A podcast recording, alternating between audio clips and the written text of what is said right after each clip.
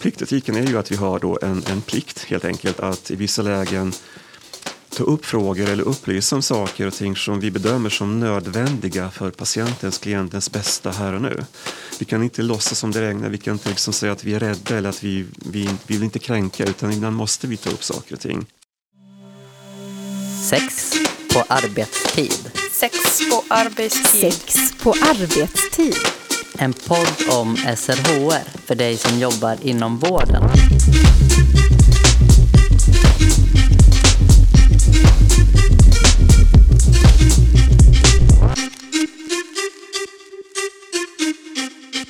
Det främsta målet med svensk hälso och sjukvård är att uppnå en god hälsa för hela befolkningen. I det arbetet är viktiga etiska principer patientens självbestämmande, integritet och delaktighet.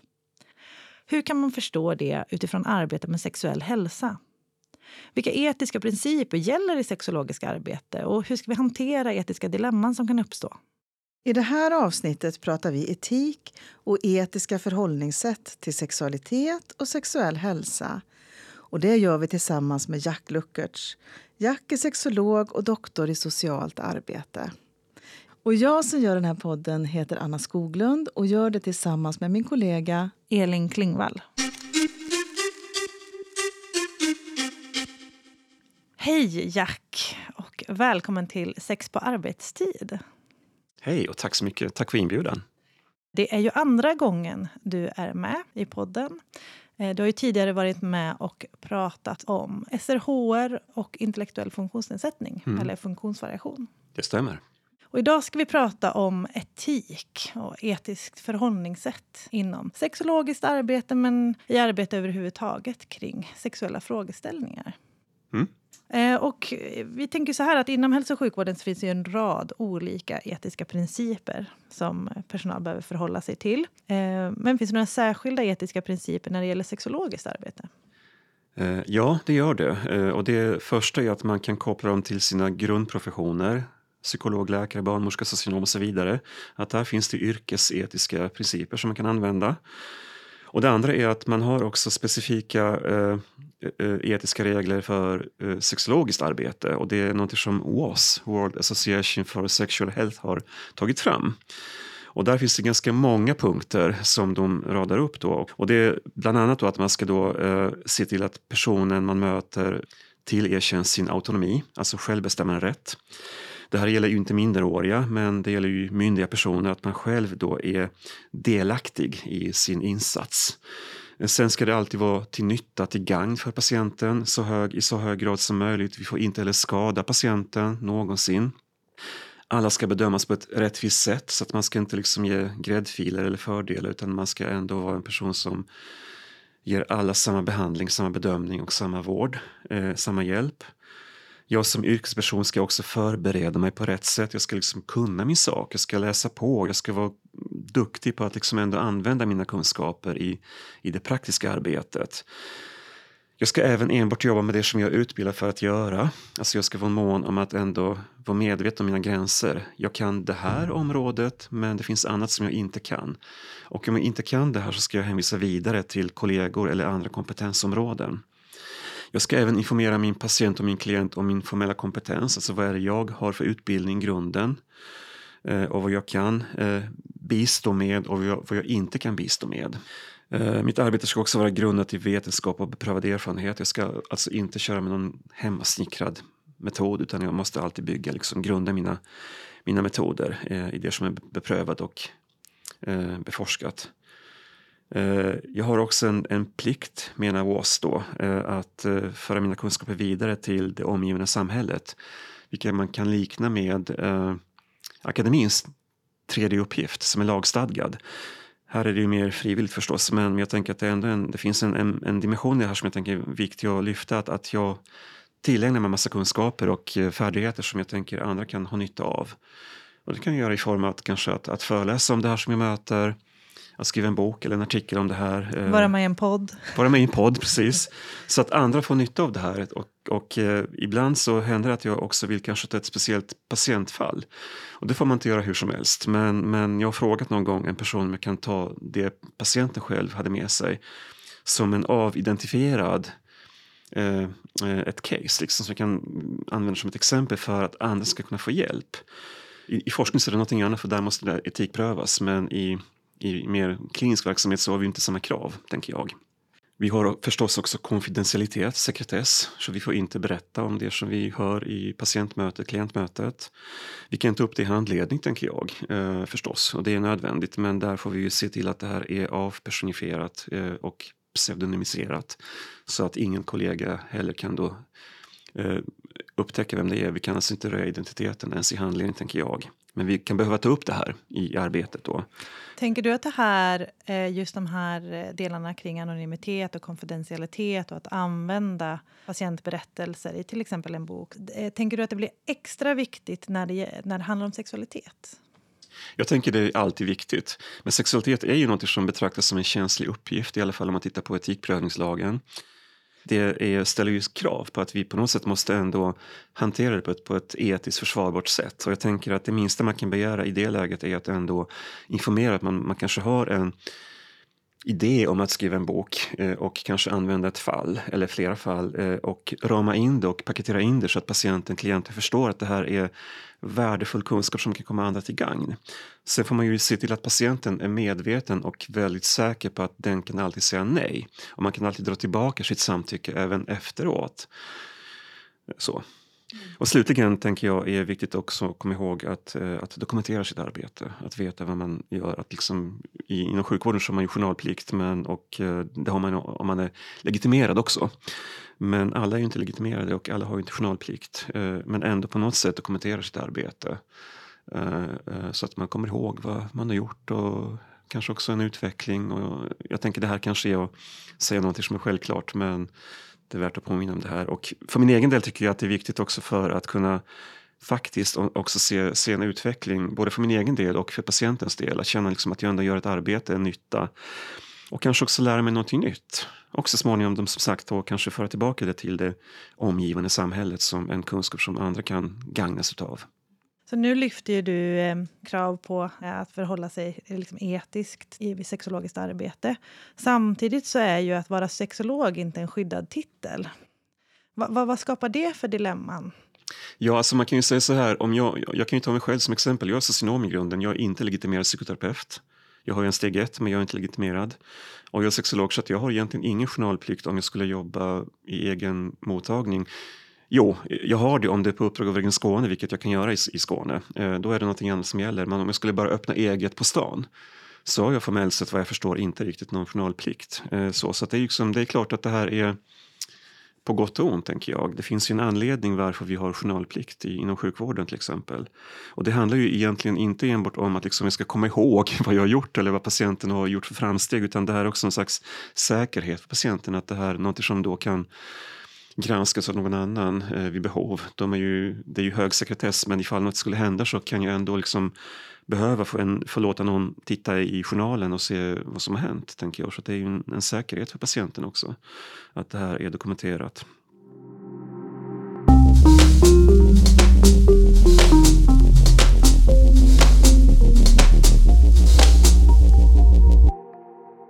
Det är ju jättebra och tydligt att det finns ordentliga och tydliga riktlinjer.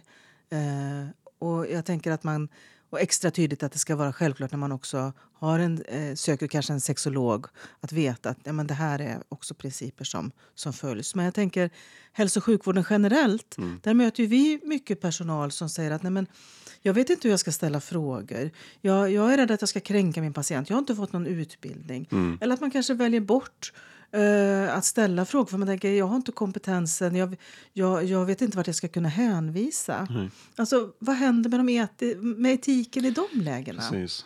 Jag kan säga så här, jag tänker att det är en ganska bra och en, väldigt bra fråga skulle jag säga, en väldigt viktig fråga. Jag har tänkt mycket på den frågan genom åren och tycker att det finns ett dilemma i det här. Att sexualitet är ju något som vi har gjort till en känslig personuppgift eller en känslig fråga.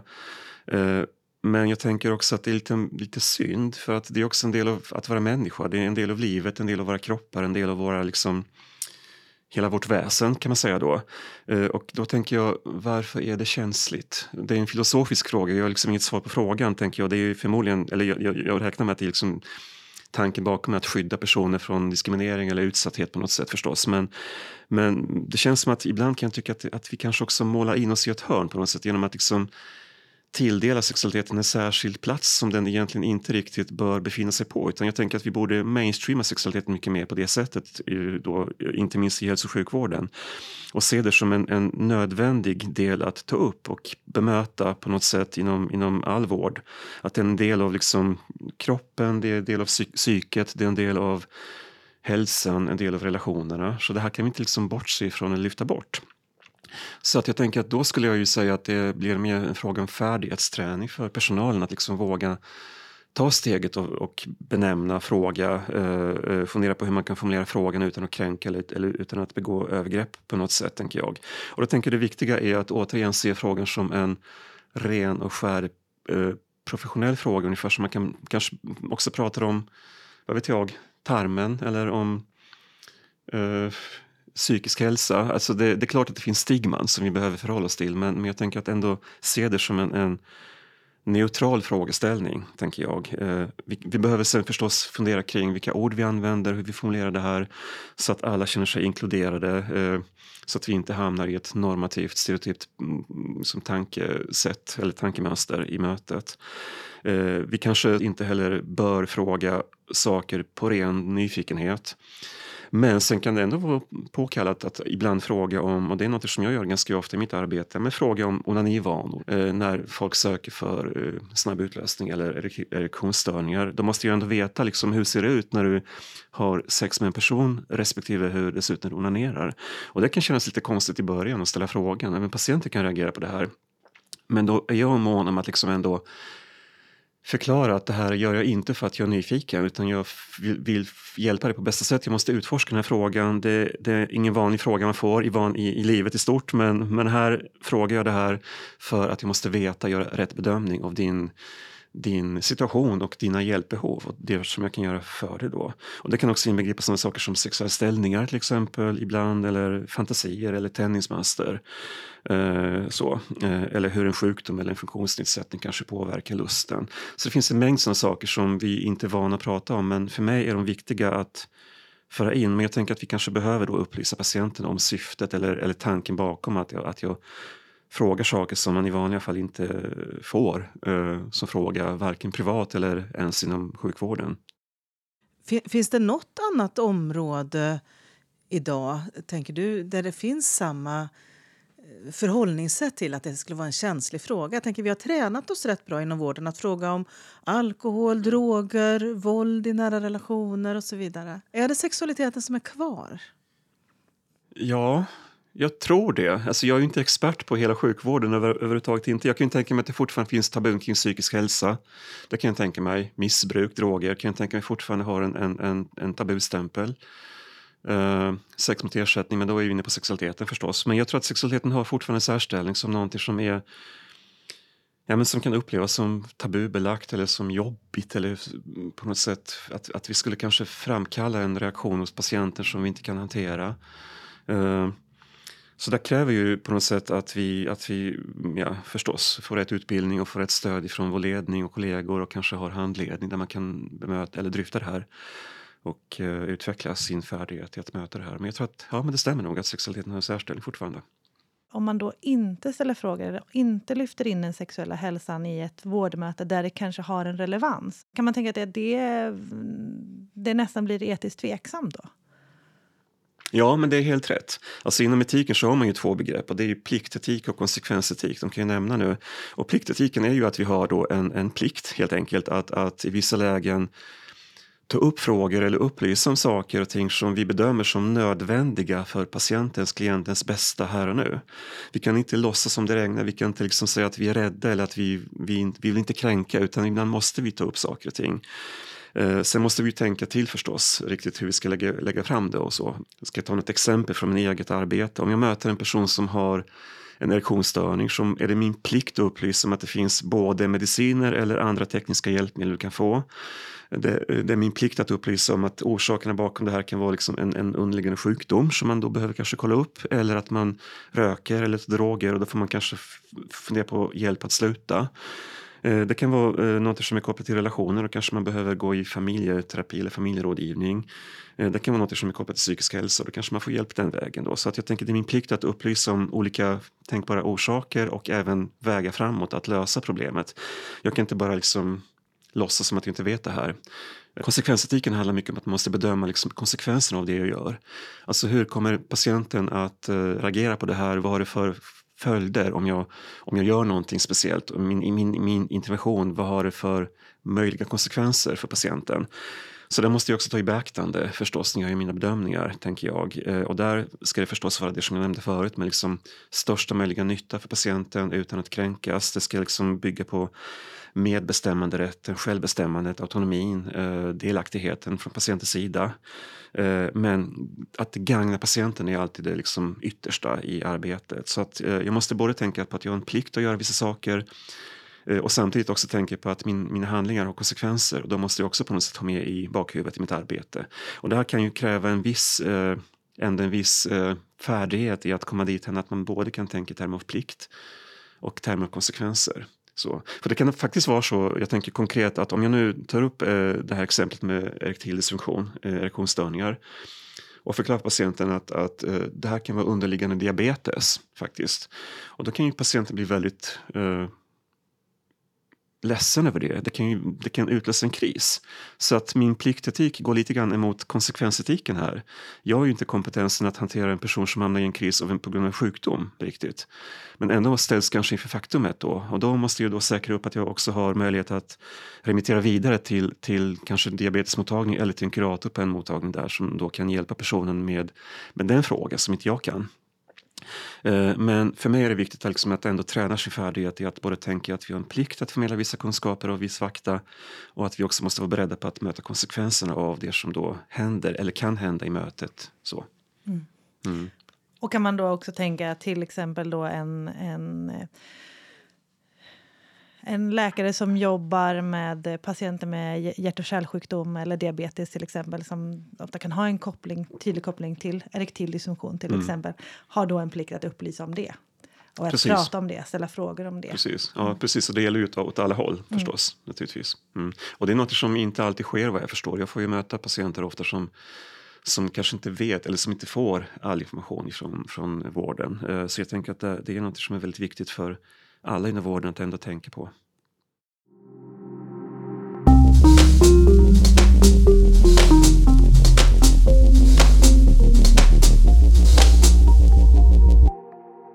Vilka, vilka etiska dilemman kan uppstå när vi jobbar med eh, frågor kopplade till sexualitet? Det jag spontant tänkte på, för det är sånt som händer väldigt fort när man Hände väl tidigt när jag började jobba i det här. Och det är ju eh, egentligen frågan om att möta personer man känner. Till exempel möter i privata sammanhang. Så man, man kanske har gemensamma bekanta eller vänner. Uh, man träffas på en fest. Eh, eller på, ett, på en sammankomst eller tillställning någonstans. Eh, eh, och det kan vara liksom både före och efter. Det kan vara en person som jag träffat i ett privat sammanhang som jag sen möter som patient eller som har varit patient hos mig som jag sen möter i ett privat sammanhang. Och det är något som kan vara väldigt, väldigt speciellt. Det jag brukar säga till patienter är att när vi möts på stan så är det du som hejar, inte jag. Jag gör inte, jag låtsas som att jag inte känner dig. Det är väldigt viktigt att betona. Eh, men det händer att folk då som ändå vill, vill heja och det har ju hänt också att jag själv varit med på en privat sammankomst där en patient har liksom att prata med mig och det blir också väldigt svårt att veta när andra frågar hur känner ni varandra? För den frågan har kommit men då har jag sagt att det är du som får svara på frågan, inte jag. Så att då är det patientens ansvar på något sätt. Eh, så, men sen är det ju ändå självklart så att vi inte kommer prata någonting om det, det möte vi har haft eh, inom vården. Det gör vi in, jag gör det inte i alla fall. En annan sån sak som jag tänkte på var ju datingappar. Eh, det är ganska vanligt att man eh, eh, i alla fall jag jobbar ju rätt mycket med personer som eh, rör sig i samma kretsar som jag. Eh, Grindr till exempel är ett sånt exempel då. Eh, och jag vill inte göra att de ska känna sig obekväma eller illa till mods. och jag tycker själv också att det gör någonting med mig. Eh, så det här, det här är en liten dilemma för mig, tänker jag, för att det finns en konsekvens för mig personligen i det här som gör att jag eh, inte längre kan vara helt fri eh, och göra vad jag vill. Jag tänker man måste någonstans som, som yrkesperson i det läget som sexolog tänka på att det kan ha konsekvenser för att jag kanske på något sätt måste lägga om mitt liv helt enkelt. Och det är ett dilemma, tänker jag. Jag har liksom ingen bra lösning på det här men det ställer mig i alla fall inför såna etiska dilemman, hur man ska göra då. Man får liksom hitta sin lösning på något sätt. Jag tänker också på små orter där du jobbar kanske på en vårdcentral. Grannen kommer som patient. Alltså, det låter som att man behöver vara tydlig med hur gör vi med det här mötet som är här så att vi inte förflyttar det ut i ett annat sammanhang. Ja, just det. Mm. Jo, jag, jag, tänkte på en sak som jag också tänkte som ett dilemma, jag glömmer bort det. Och det är frågan om motöverföring. Ja, och det är ett begrepp som kanske inte alla är bekanta med, men det är något som man använder ifrån psykodynamisk terapi och det är att eh, det finns begrepp överföring och motöverföring och överföring är ju att patienten kan, eh, alltså jag som terapeut kan framkalla olika typer av förnimmelser eller känslor hos patienten som då kan relateras till kanske andra möten tidigare i livet. Och det omvända kan hända också för mig som terapeut eller vårdgivare då att, jag kan, eh, att en patient kan väcka en känsla hos mig. Och det är sånt som ibland kan vara väldigt diffust och subtilt, att man inte alltid förstår det här. Eh, och ibland så kan det vara väldigt tydligt. Och det, och det kan vara liksom alltifrån att jag kan känna mig väldigt irriterad på personen, jag kan känna mig provocerad på personen, jag kan bli arg, jag kan bli ledsen och sårad. Eh, jag kan kanske känna att personen upplevs, jag kan uppleva personer som löjlig eller skrattretande. Det kan vara egentligen allt möjligt som kan hända i rummet och det är något som är väldigt viktigt att liksom vara observant på och jobba med i handledning sen för att det här kan ju påverka patientmötet eh, negativt. Särskilt om det är en lite längre kontakt man har. Eh, så. Men, men jag vill ändå lyfta det här att, att även vi är ju människor och att personer som vi möter kan väcka någonting hos oss som då kan störa eh, alliansen eller relationen till patienten och vårt arbetes utfall i slutändan. Då. Jag tänker att många som arbetar eh, upplever kanske att man, man kanske varken har handledning eller tid för reflektion direkt. Men är det, är det då också i de situationerna när man känner att det skaver, att det är någonting som gnager i en? Det här patientmötet, jag får liksom inte till det, det blir inte bra för mig. Är det, är det, är det då man ska vara extra vaksam på att, att nej men, vad handlar det här om? Och kanske att man verkligen behöver fundera? Ja men absolut. Jag tänker så fort någonting känns fel, någonting skaver och gnager så tänker jag att det är ett, en, ett tecken på någonting. Uh, uh, jag tänker att det är på sitt sätt bra att det skaver och gnager också för att det är också vårt sätt att utvecklas, lära känna oss själva i, i arbetet då. Uh, det är så vi också kommer vidare, tänker jag. Skulle vi vara helt nollställda konstant så skulle jag också tycka det lite märkligt. Då, då tror jag nog att vi kanske inte heller gör något bra jobb. Utan poängen här är att visa på att vi kommer alltid att uppleva känslor och det kanske alltid kommer vara, eller det kommer i regel vara om vi tillåter oss att känna så kommer det kanske vara svårt att förstå, det kommer kännas jobbigt och besvärande. Men det är bara så vi kan utvecklas genom att liksom gå in i det här och utforska det här och ta reda på varför är det på det sättet, varför känner jag som jag gör och hur kan jag så att säga hantera det här inför framtiden. Eh, så att man behöver liksom få det stödet i form av handledning för att kunna utvecklas. Så. Och vi kommer alltid att göra fel också.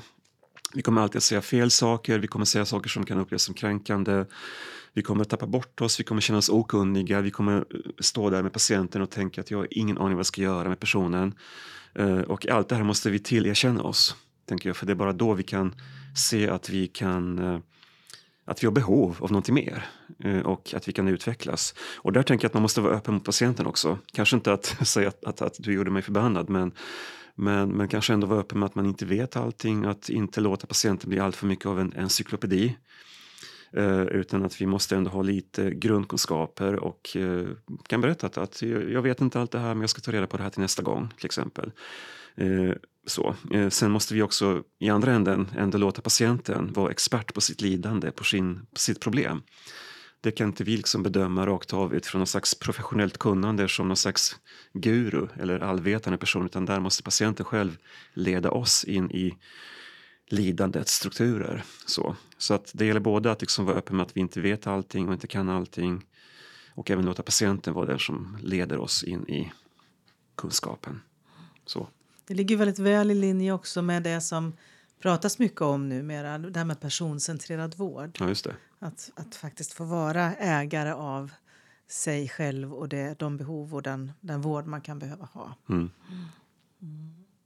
Om, man, om man tänker det som specifikt handlar om sexuell hälsa, alltså då när man upplever till exempel att man har svårt att alliera sig med en patient för att man kanske har helt olika typer av bilder vad, vad bra sex är till Ja, exempel. eller så. Hur kan man jobba med det?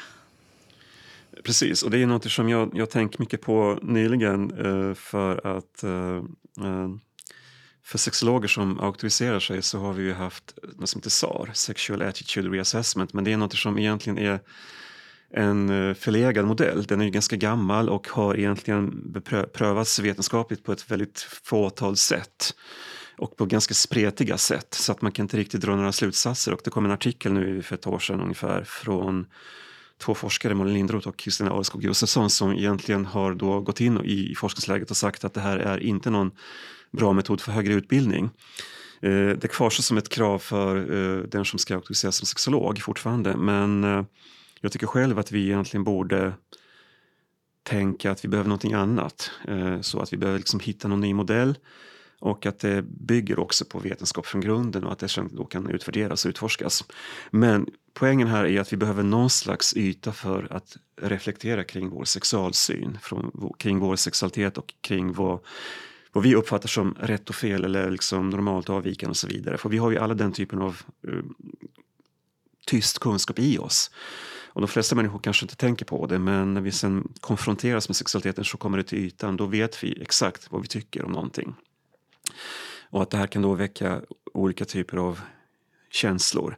Så att någon slags yta för att få fram det här som vi tycker om en viss sexuell praktik eller sexuell identitet eller sexuellt uttryck. Eh, vad väcker det hos mig?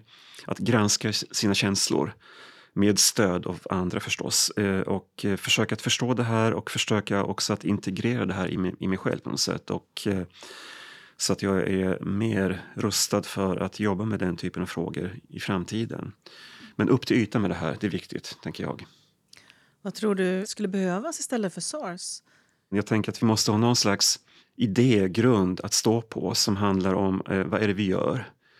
Varför gör vi det på det sättet? Vad bygger det här på för kunskapsläge? Eh, och, eh, och sen så utforma det här, eh, skapa då en modell kanske och sen utvärdera modellen då. Så att, men jag tänker att vi behöver någon slags plats där jag som sexolog kan känna mig liksom omhändertagen, en trygg plats, en, en trygg zon.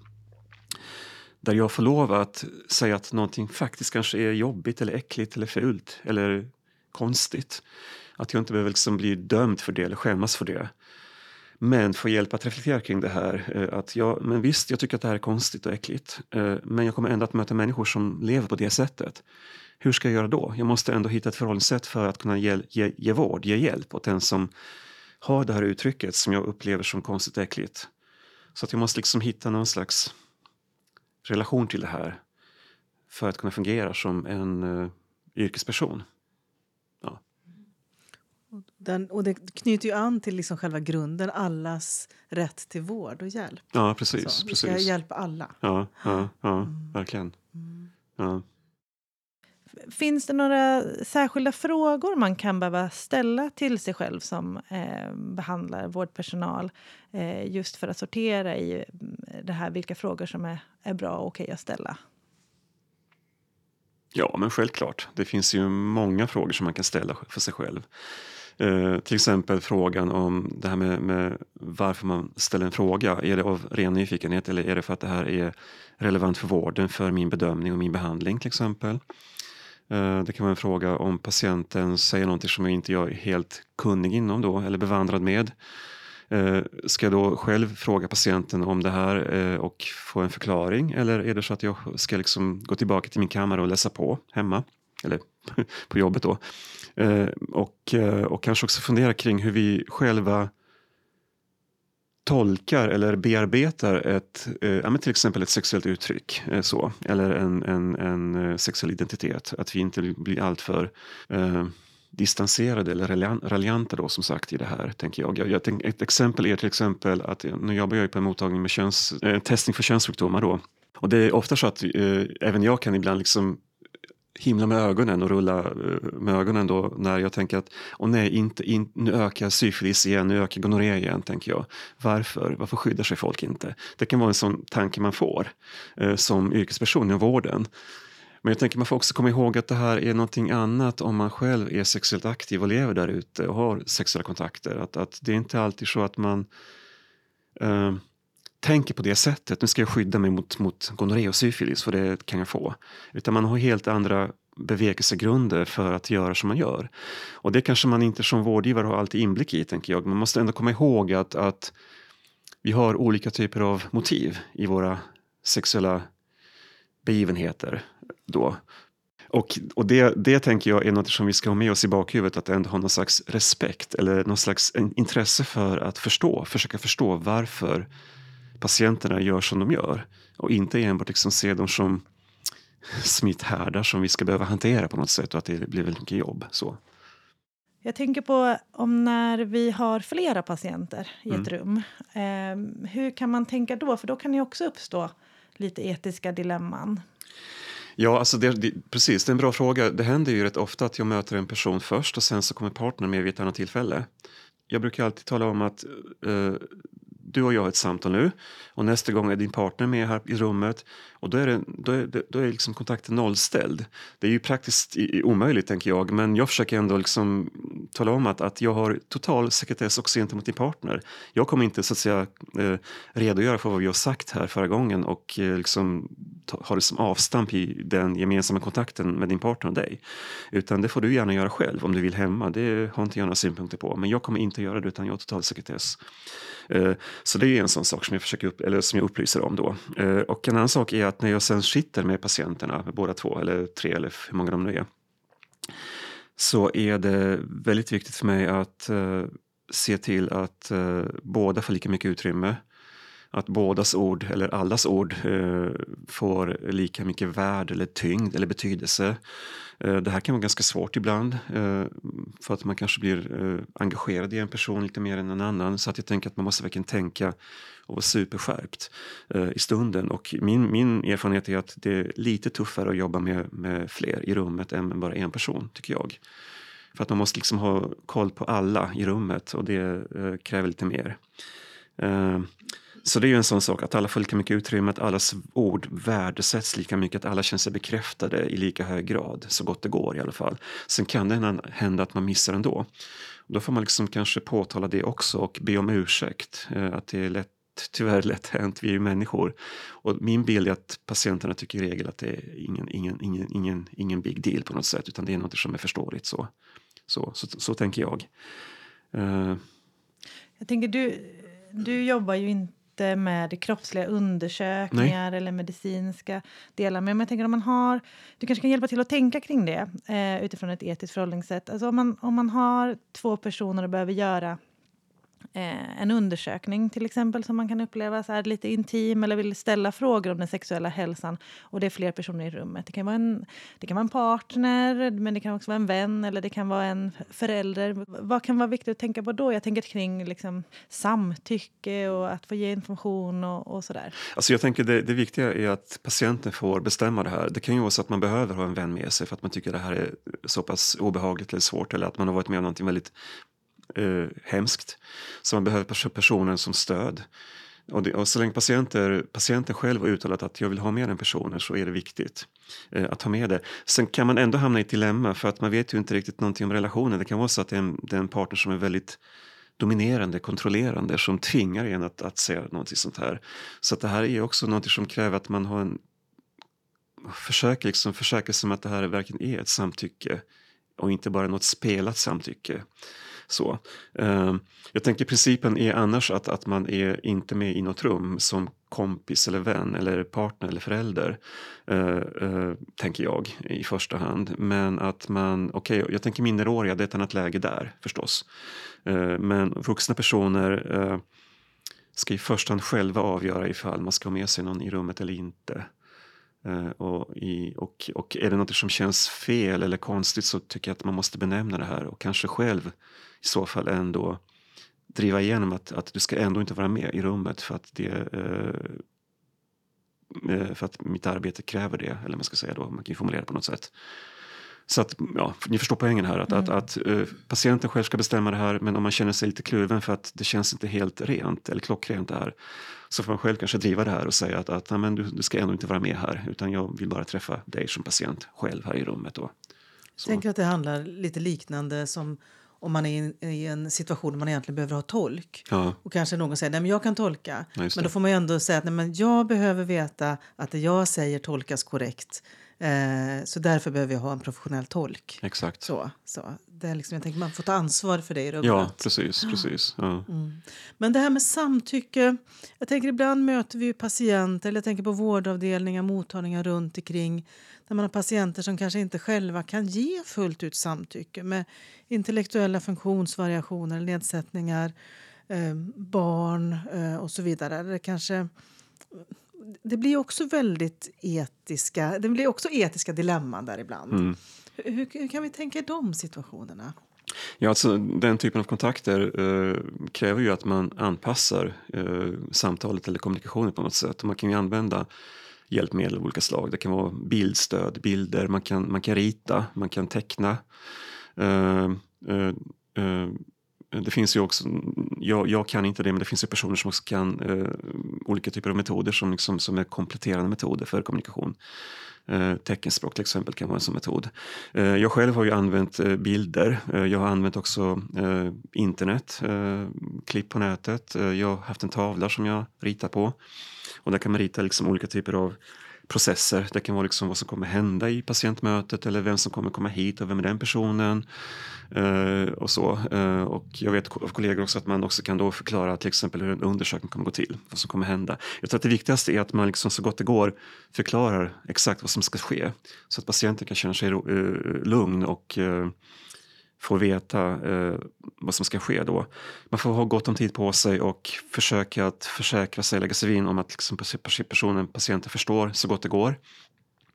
Eh, man skulle också kunna använda dockor eller figurer av något slag, tänker jag, för att visa på vad som ska ske. Mm. Och vad, vad ska vi tänka på när vi har barn i rummet? Ja, det är en viktig fråga. Jag jobbar ju inte med barn, har faktiskt aldrig gjort det. Men jag tänker att det liknar det där som med personer som har funktionsnedsättningar. Eh, att man behöver på något sätt anpassa eh, informationen till barnets nivå. Eh, det är ju, tänker jag, stor skillnad mellan en sexåring, en tolvåring och och en 17-åring förstås. Med vad man vet om livet och sexualiteten. Så att jag tänker anpassning är viktigt och där kan man också använda berättelser, sociala berättelser, teckningar, bilder, leksaker, eh, figurer och så för att kunna liksom förklara eh, vad som kommer hända eller kanske också hjälpa barnet att berätta vad man har för funderingar eller tankar eller erfarenheter.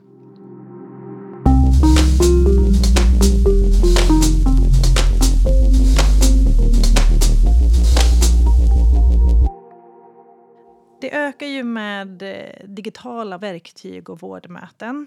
Eh, är det några särskilda liksom, etiska överväganden man behöver göra när man jobbar digitalt? Jag tänker det första är framförallt, eh, det viktigaste är att, att eh, tydligt visa att det råder sekretess, att det inte finns någon annan person i rummet som är obehörig och som skulle kunna få del av det här eh, samtalet då. Eh, och det kan vara särskilt viktigt om man jobbar hemifrån eh, ibland, eh, att det inte finns partners, barn eh, som klampar in och, eh, och så.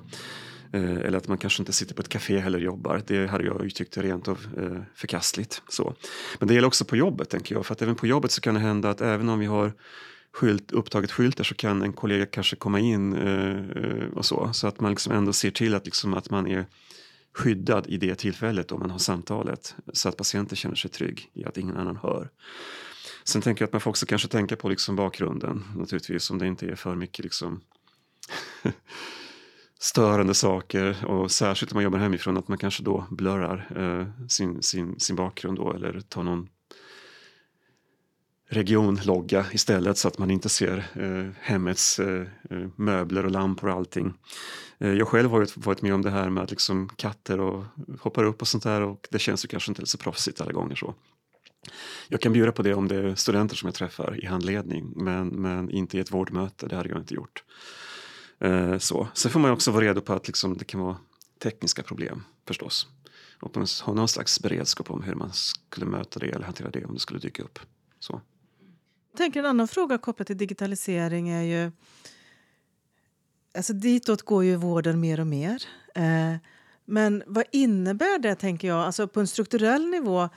Är det et, etiskt försvarbart att, att hälso och sjukvården kommer se ut så? För vi kommer också stänga ut många som inte är digitalt bevandrade, Ja. som inte kan ta del av det här. För risken är ju kanske att vi tar att det digitala får så stor plats att det, att det fysiska mötet, möjligheten att gå till en mottagning, ringa och rådfråga och så vidare, att, att de tjänsterna eller möjligheterna minskar så. Ja. Ja, det är en viktig fråga att fundera på. För jag tänker att det, det är klart att det är i ena änden en fråga om effektivisering och tillgänglighet. För att det digitala gör ju faktiskt mötet tillgängligt för många som kanske inte kan ta sig hemifrån. Eh, eller som eh, på något sätt eh, inte vill ta sig hemifrån. Men i andra änden så ställer det krav både på en digital kompetens, att man kan hantera verktygen, men också att man har pengar att ha verktyg hemma. Att man har en mobil eller en telefon eller en, en, eller en, förlåt, en dator som då fungerar och bredband och allting. Eh, det har ju de flesta idag men det är ju inte något som är givet för alla förstås. Eh, och, eh, så att jag tänker att man måste som vård, vård alltså vården måste ju alltid tillhandahålla alternativ. Eh, man kan inte enbart eh, säga att det är bara digitalt som gäller utan man måste alltid kunna ha möjligheten att kunna besöka en mottagning, en plats, en, en fysisk plats. Eller kanske ringa då om man hellre vill göra det. tänker jag. Så att det här kan ju så att säga effektivisera i en viss mån men man måste behålla det, det gamla systemet i alla fall, tänker jag.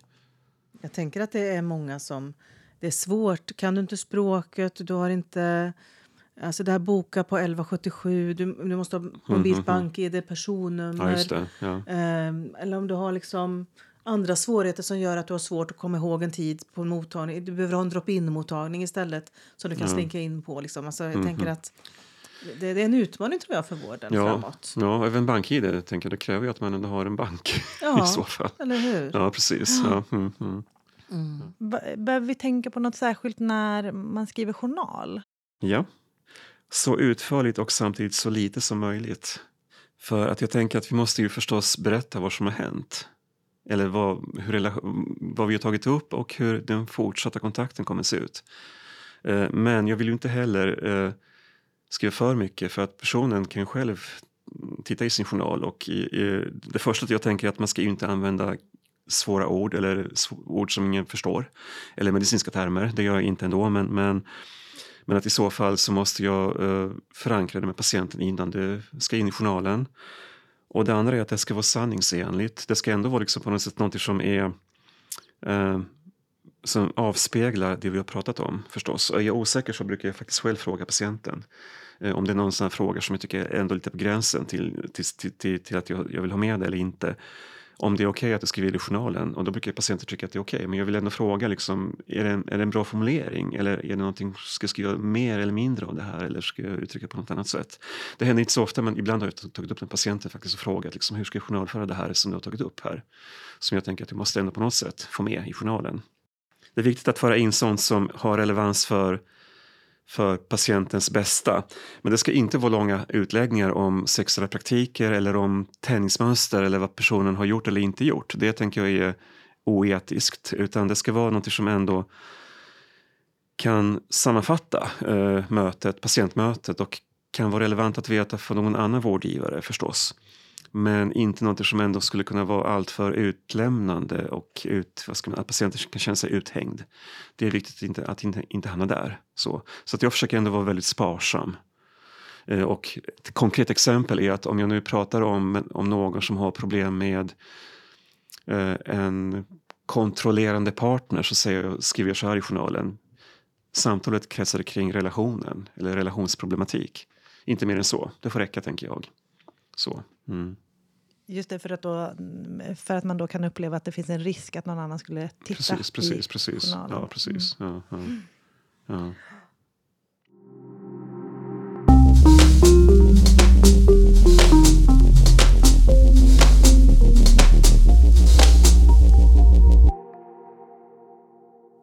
Nu har det blivit dags eh, att avrunda det här avsnittet. Men innan vi säger tack och hej ordentligt så är ju vi nyfikna på att höra vad har du med dig för tips till personal som kanske jobbar med behandling eller hälso och sjukvård?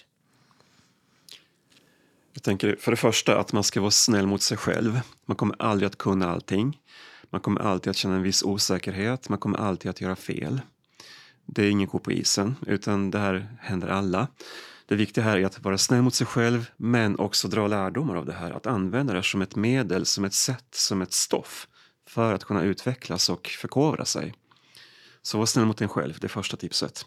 Och det andra är att prata med kollegor och andra, bygga ett nätverk. Vi jobbar ju som sagt väldigt ofta ensamma med våra frågor och funderingar och erfarenheter och det här behöver vi dryfta på något sätt. Så att eh, prata med kollegor, bygga upp ett nätverk av kollegor som du kan ringa till vid behov eller mejla.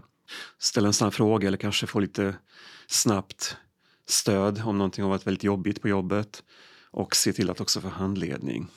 Det tredje tipset är att utforska sexualiteten, inte bara din egen utan i stort som ett område som man jobbar med. Se det här som ett kunskapsområde vilket som helst. Eh, och det finns ju hur mycket som helst att läsa, böcker, litteratur på nätet, artiklar, vetenskap och så. Eh, så att förkovra dig och titta på det här och eh, integrera det här i din repertoar av liksom kompetens, kompetenser som du har. Som du sen kan ta fram som ett S ur ärmen på något sätt när du möter en patient vid ett speciellt tillfälle. Så att ha en öppen och nyfiken relation till sexualiteten och läs mycket. Lyssna mycket på poddar också. Tusen tack, Jack. Tack för att du kom hit. Tack.